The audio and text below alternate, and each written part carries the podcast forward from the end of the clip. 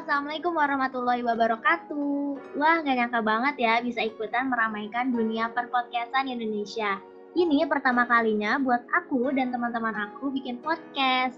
Dan podcast pertama kita akan membahas suatu hal menarik terkait dengan materi perkuliahan kita yaitu etika komunikasi atau yang biasa disingkat etikom.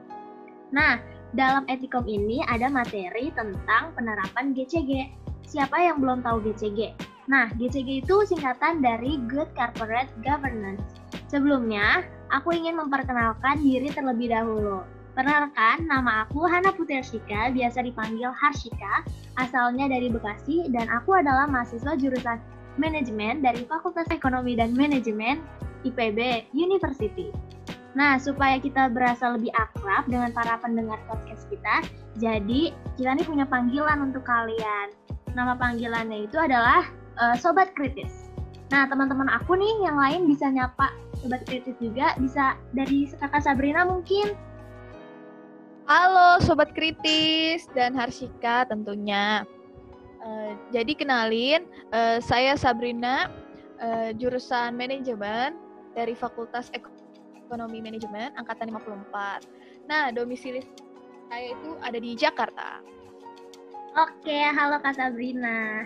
Nah, selanjutnya bisa nih mungkin kata Judin. Hai Hana. Dan halo Sobat Kritis. Kenalin, nama saya Muhammad Tajudin, bisa dipanggil Ajun dari Manajemen FEM IPB 54, asalnya Bogor. Oke, ada orang Bogor ternyata di sini. Uh, kayaknya nih di kelompok kita nih ada yang domisilinya paling jauh nih. Ini ada Kak Hovifah, coba dong Kak Hovifah kenalan sama Sobat Kritis. Oke, halo Hana dan tentunya Sobat Kritis di rumah. Perkenalkan, aku Siti Hovifah Rashid, biasa dipanggil Iva, asalnya dari Sulawesi Tenggara, jauh kan? Nah, aku jurusan manajemen angkatan 54 dari Fakultas Ekonomi dan Manajemen IPB University. Terima kasih. Iya, makasih juga. Nah, yang terakhir ini ada Koko Ganteng nih, Koko Ganteng. Silahkan Kak Zaki, boleh. Halo Hana, halo juga Sobat Kritis di semua. Perkenalkan, nama saya yaitu Muhammad Zaki Dama, biasa dipanggil Zaki atau udah domisilinya dari Jakarta. Uh, uh, saya dari Manajemen Fakultas Ekonomi Manajemen IPB University. Oke deh. Nah, kita semua udah kenalan ya tadi sama podcaster podcaster podcaster podcaster kita. Maklum nih, baru pertama kali jadinya gugup parah. Jadi di sini satu kelompok nih kita. Jumlahnya ada lima orang. Kalian harus hafalin tadi ada aku Harsika, ada Kak ada Kak Zaki, ada Kak Sabrina, sama ada Kak Tajudin. Oke, lanjut ya. Kalau boleh tahu gimana nih kabar di rumah selama pandemi? Boleh dong dijawab mungkin Kak Sabrina. Oke, uh, kegiatan saya selama di pandemi ini kan di rumah terus ya. Paling kita zooman, melakukan kegiatan-kegiatan organisasi semua sekarang udah serba online. Jadi apa-apa sekarang di depan laptop, gadget, teknologi dan lainnya. Sama paling selama pandemi ini uh, Sabrina sendiri sih nyobain masak-masak uh, atau DIY ngeliat dari YouTube gitu deh. Oh gitu. Wah produktif banget berarti nih di rumah aja. Kira-kira udah bisa bikin apa aja nih kalau boleh tahu? Banyak. Uh, sekarang udah bisa buat pai susu. Wah, pai susu. Bisa dong dikirim ke Bekasi. banget. Bisa, bisa. Sabrina. Ongkir ditanggung sendiri ya, Hana. Enak ya. Wah, wah, wah. Kayaknya mahalan ongkirnya sih ini daripada pai susunya ya. Oke, oke. Kalau misalkan Kak Viva gimana nih kabarnya? Gimana Sulawesi Tenggara? Aman gak nih? Aman gak nih dengan COVID-19 ini? Hmm, gimana ya? Kalau di sini aman, cuman orang-orang kayak banyak yang nggak ini sih, nggak peduli nama COVID gitu loh. Bahkan hmm. kemarin di sini masih banyak yang demo, hmm. masih banyak kerumunan, tempat-tempat umum pun masih rame. Tapi kalau Kak Viva sendiri tetap menerapkan protokol kesehatan dong ya? Alhamdulillah kita ke mana-mana mesti pakai masker dan juga selalu nyediain hand sanitizer. Bagus, bagus, bagus. Bagus. Itu contoh yang baik untuk masyarakat sekitar. Tetap menerapkan protokol kesehatan, tetap menggunakan masker dan hand sanitizer ya semuanya. Oke, balik lagi ke topik bahasan kita di awal. Nah, jadi podcast pertama kita, kita mau ngebahas tentang penerapan GCG. Nah, studi kasus yang kita ambil itu adalah di Bank Century. Pasti kalian penasaran kan, kenapa sih kita ambil di Bank Century? Emang ada apa di Bank Century? Nah, untuk itu kasus lebih lengkapnya nanti bakal dijelaskan oleh teman saya, Kazaki. Silahkan. Oke, terima kasih Hana atas kesempatannya. Jadi di sini kita bakal membahas secara singkat, jelas dan padat mengenai kasus Bank Senturi. Kasus Bank Senturi ini merupakan sebuah kasus lama ya, lumayan lama, karena kasus ini tuh uh, besarnya tuh pada tahun pada akhir tahun 2008. Untuk uh, garis singkatnya pada tahun pada tahap tahun 1989 Robert Tandular itu membuang CIC dan dilanjutkan pada tahun 2002 uh, auditor BI itu menemukan bahwa rasio dari bank CIC ini jatuh hingga minus 806 persen dan menyebabkan bank ini itu mengalami kekurangan modal hingga 2,67 triliun guys. Dilanjutkan pada tahun 2004, BI ini sendiri itu menyarankan karena adanya kekurangan modal dan uh, rasio yang jatuh hingga minus 83,0 persen, BI menyarankan agar Bank CI itu merger dengan beberapa bank lainnya seperti Bank Piko dan Bank Denpak.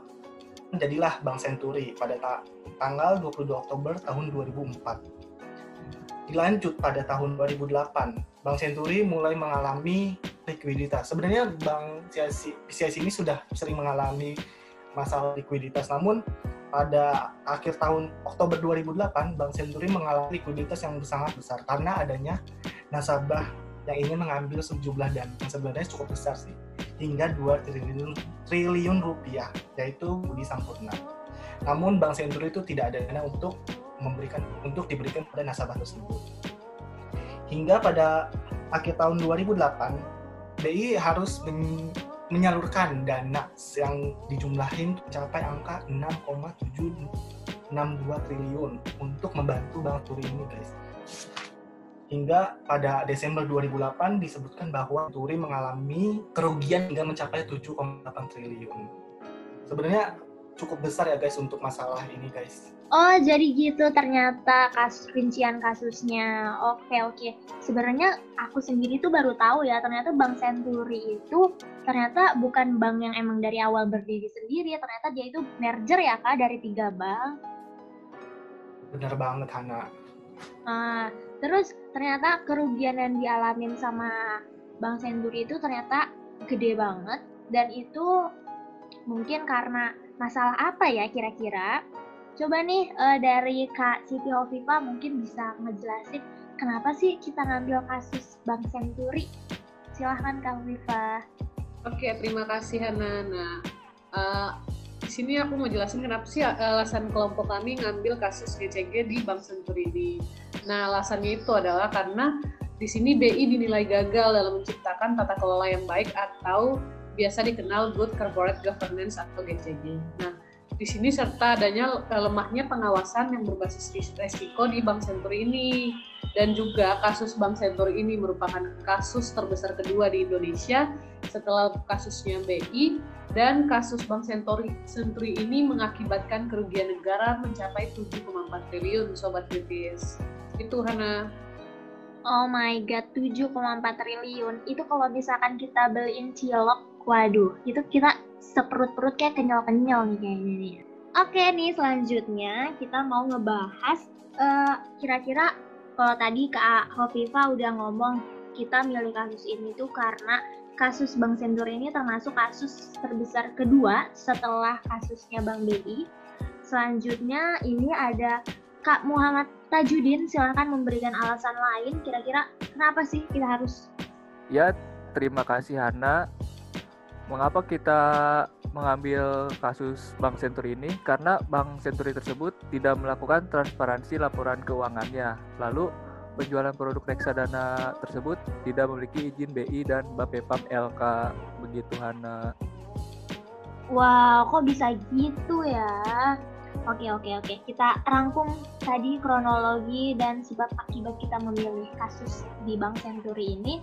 Terus aku mau nanya dong buat Kak Sabrina, kita kan lagi uh, milih kasus ini tuh karena mata kuliah kita kan di kampus nih ada etika komunikasi. Kira-kira kaitannya kasus ini dengan mata kuliah kita tuh apa ya kak? Oke, jadi di di mata kuliah etika dan komunikasi ini ada bab tentang good corporate governance. Nah, good corporate governance apa sih sebenarnya? Nah, menurut Syah Roza tahun 2003, good corporate governance merupakan suatu tata kelola organisasi secara baik dalam melakukan pengelolaan sumber daya organisasi secara efisien, efektif, ekonomis ataupun produktif dengan prinsip-prinsip GCG. Nah, prinsip GCG sendiri itu ada lima. Yang pertama ada transparansi, yang kedua ada akuntabilitas, yang ketiga ada responsibilitas, yang keempat ada independensi, dan yang kelima ada kewajaran.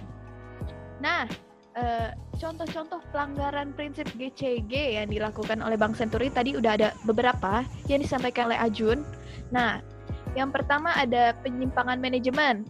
Nah, di penyimpangan manajemen ini ada juga agak dugaan kejahatan yang dilakukan manajemen Bank Senturi yaitu menempatkan dana dengan gegabah di pasar uang. Lalu yang kedua ada pengawasan BI yang lemah. BI pernah memberikan kelonggaran aturan kepada Bank Senturi yakni dengan memasukkan surat-surat berharga atau SSB yang macet ke kategori lancar Hal itu dilakukan agar Bank Senturi tidak perlu menyisihkan provisi atau pencadangan atau SSB yang macet itu, sehingga tidak menggerus modalnya. Lalu yang ketiga, jadi para nasabah tidak dapat melakukan penarikan uang tunai dan hal ini terjadi pada seluruh nasabah nasabah Bank Senturi di Indonesia dan hanya bisa melakukan transfer ke sesama nasabah Bank Senturi saja. Gitu Hana. Oh, jadi gitu. Oke, oke, oke. Nah, teman-teman sobat kritis semua pasti tadi udah dengerin kan uh, kenapa kita milih Bank Senturi, apa kaitannya dengan topik mata kuliah kita. Nah, tadi semua udah dibahas ya oleh kakak-kakak podcaster yang lain. Nah, selanjutnya akan dibahas tentang solusi-solusi yang bisa kami kasih nih sebagai mahasiswa lah dengan ide-ide kami yang gak seberapa cemerlangnya tapi boleh lah untuk sebagai referensi mungkin kalau bisa diterapkan. Nah, kalau misalkan dari sisi pengelolaan risiko sendiri itu bisa dilakukan mitigasi risiko yang sebagai langkah antisipasinya yaitu dengan suatu mekanisme semacam early warning system untuk memantau dan memberikan laporan berkala kepada instansi yang berwenang dengan mengawasi perbankan. Selain itu, perlu adanya keterbukaan pengawasan yang sehat dalam dunia perbankan dan keuangan. Nah, itu tadi solusi yang bisa diberikan dari sisi uh, responnya. Kalau misalkan lain mungkin uh, bisa dikasih contohnya dari sisi solusi yang lain. Jadi Ya, terima kasih Ana. Saya ingin memberikan solusi dari sisi pemerintah. Pemerintah itu akan membuat peraturan undang-undang pencegahan dan penanganan krisis sistem keuangan untuk menjaga kestabilan sistem keuangan. Lalu pada Undang-Undang Jaringan Pengamanan Sistem Keuangan pasal 21, OJK wajib melakukan penanganan pelaksanaan rencana aksi bank sistematik. Oke, selanjutnya Kak Viva nih mungkin bisa kasih solusi dari sisi bisnisnya. Silahkan Kak. Nah, di solusi untuk sisi bisnisnya sendiri ada uh, setiap perusahaan haruslah melaksanakan prinsip-prinsip yang ada pada GCG yaitu ada transparansi, akuntabilitas, keadilan, independensi dan responsibility. Nah, di sini dapat dilihat bahwa kurangnya penerapan dari uh, eh, GCG di masing-masing perusahaan. Oke, nih tadi kan aku, Kak Ajun, sama Kak Viva udah nyebutin uh, beberapa solusi dari berbagai bidang. Nah, selanjutnya di setiap solusi pasti selalu ada lah tantangan untuk menjalankan solusi-solusi tersebut. Nah, mungkin Kak Zaki nih bisa menyebutkan uh, tantangannya apa aja ya, Kak? Nah, uh, kalau menurut aku pribadi ya, tantangan dari aku mau nyebutin nyebutin tantangan yang di penerapan good governance uh, corporate governance-nya. Nah, menurut saya pribadi itu tergantung dari implementasinya nih teman-teman sobat kritis. Jadi kalau misalkan suatu perusahaan memang belum sama sekali menerapkan sistem GCG, prinsip GCG, maka uh, perusahaan tersebut haruslah menerapkan dari awal kan. Nah, itu tuh butuh waktu guys, teman-teman sobat uh, kritis. Nah, butuh waktu, butuh juga orang-orang yang ahli dalam melakukan penerapan sistem GCG itu. Selain butuh waktu, uh, apabila emang nih perusahaan sudah pernah melakukan namun emang belum pernah belum baik nah itu tuh masih harus membutuh, membutuhkan yang namanya continuous improvement itu juga masih butuh waktu dan benar-benar butuh yang namanya keseriusan dari masing-masing peran di dalam perusahaan itu gitu Kak Hana. Nah, tadi kan kita udah ngebahas tentang bagaimana tantangan dari solusi yang udah disebutkan kan. Nah, selanjutnya itu bakal dibahas implementasi dari strategi atau solusi yang tadi kita udah bahas sebelumnya di awal. Nah, dari sisi pengelolaan atau mitigasi risiko sendiri itu bisa dilakukan dengan penerapan prinsip-prinsip uh, untuk meminimalisir adanya risiko. Yang pertama itu ada prinsip Board of Director atau BOD. Nah, BOD itu sebagai pimpinan tertinggi organisasi harus menyadari aspek utama risiko operasional bank yang harus dikelola dan harus menyetujui dan mereview secara periodik kerangka manajemen risiko operasional bank. Nah, selanjutnya yang kedua itu ada Board of Directors. Nah, Board of Directors ini sebagai pimpinan setinggi organisasi harus memastikan bahwa ada audit reguler terhadap kerangka manajemen risiko operasional yang dilakukan oleh tim internal yang independen dan kompeten. Selanjutnya itu bakal disebutkan implementasi lain oleh Kak Tajudin. Ya, Hana, terima kasih untuk uh, implementasi dari pemerintah itu sendiri, kita harus mengkaji ulang uh, perundang-undangan tersebut, mengapa bank tersebut uh, melakukan pelanggaran itu. Dan kita harus membahas isi dari undang-undang tersebut agar pencapaian dari undang-undang itu tercapai secara maksimal dan tidak terjadi kasus yang serupa. Terima kasih, Hana. Nah, tadi kan udah disebutin nih implementasi dari sisi pemerintah yaitu dengan uh, pengkajian ulang perundang-undangan, substansinya, dan bagaimana nanti penegakannya, dan lain sebagainya. Selanjutnya ini dari sisi bisnis yang tadi solusi dari Kaifa, mungkin bisa dijelaskan bagaimana implementasinya. Silakan Kaifa. Oke, terima kasih. Nah, dari sisi bisnisnya sendiri implementasi yang dapat dilakukan yaitu dengan melakukan continuous improvement. Nah, eh, dengan menggunakan metode PDCA, Lean, Six Sigma, dan juga eh, Total Quality Management atau TQM. Nah, kemudian eh, sebuah organisasi memang telah menerapkan sistem GCG, GCG namun belum sepenuhnya. Selain itu bisa dilakukan dengan cara reengineering jikalau memang organisasi belum sama sekali menerapkan sistem GCG. Gitu Sobat Kritis dan juga Hana. Oke, kita sudah sampai di penghujung dari podcast pertama kita. Nah, dari Kak Sabrina mungkin bisa memberikan masukan dan harapannya terkait dengan pembahasan tema GCG kita kali ini, khususnya dalam kasus Bank Senturi ini ya. Silakan Kak Sabrina. Oke, kalau dari Sabrina sendiri sih harapannya ke depannya pengawasan BI lebih menguat dan lebih tegas lagi. Jadi nggak ada tuh uh, kelonggaran-kelonggaran aturan buat bank-bank lainnya. Jadi uh, untuk pihak-pihak mana pun nanti lembaga-lembaga atau bank-bank selanjutnya tidak mengambil peluang-peluang di saat BI melemah. Gitu sih Hana. Oh gitu, bener banget sih itu poin penting tuh. Jangan sampai dikasih kelonggaran. Nanti kalau yang satu dikasih kelonggaran, yang satunya minta ikutan dikasih kelonggaran. Nah selanjutnya Betul. Kita Oh iya, selanjutnya bisa dari Kazaki nih. Kazaki silahkan ngasih harapannya nih untuk penerapan GCG Indonesia. Soalnya GCG kan penting banget ya kan?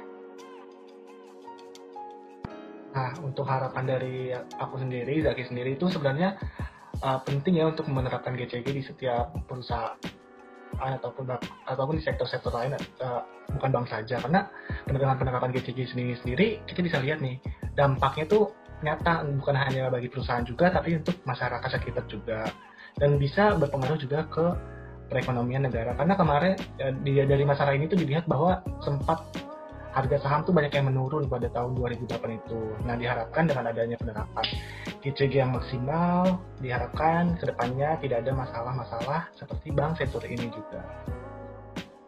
Oke deh, semoga harapannya bisa terkabul ya harapannya kita semua. Mungkin uh, kata Judin atau Kak Iva ada yang mau nambahin?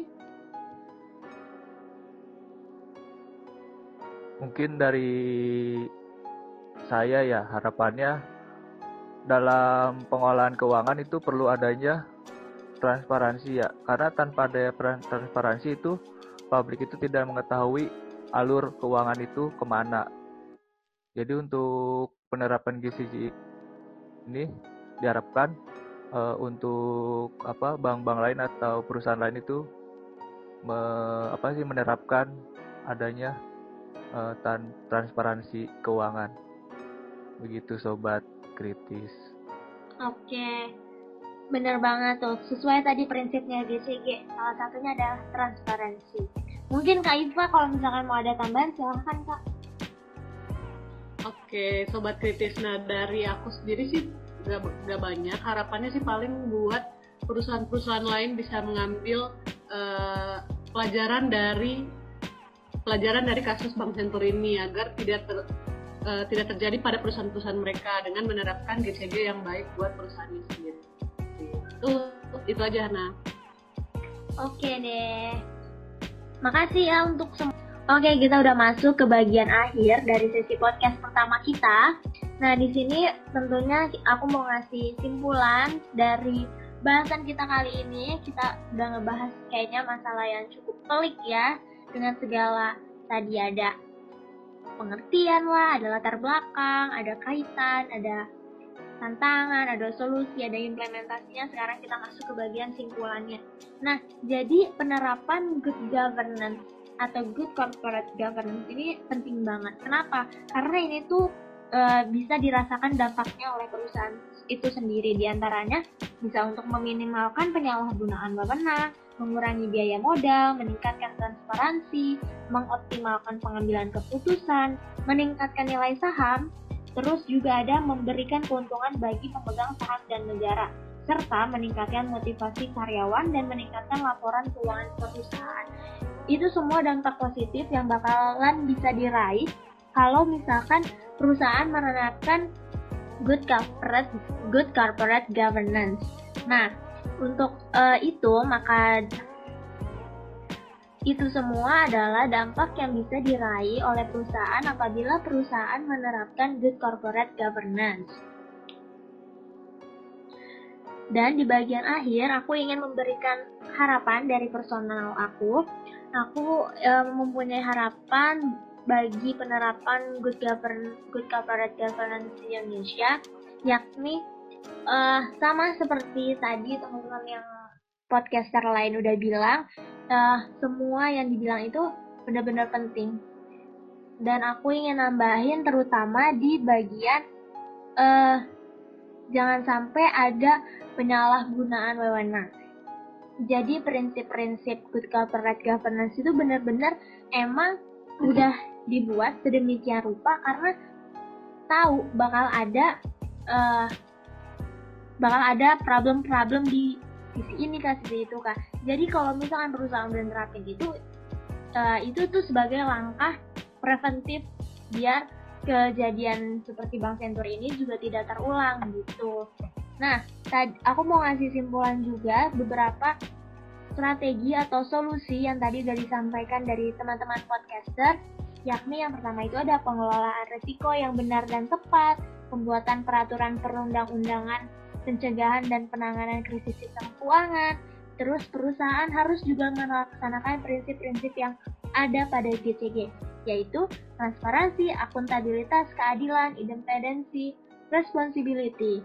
Nah, terima kasih ya Sobat Krisis yang udah dengerin dari awal sampai akhir sekarang kita ngomong.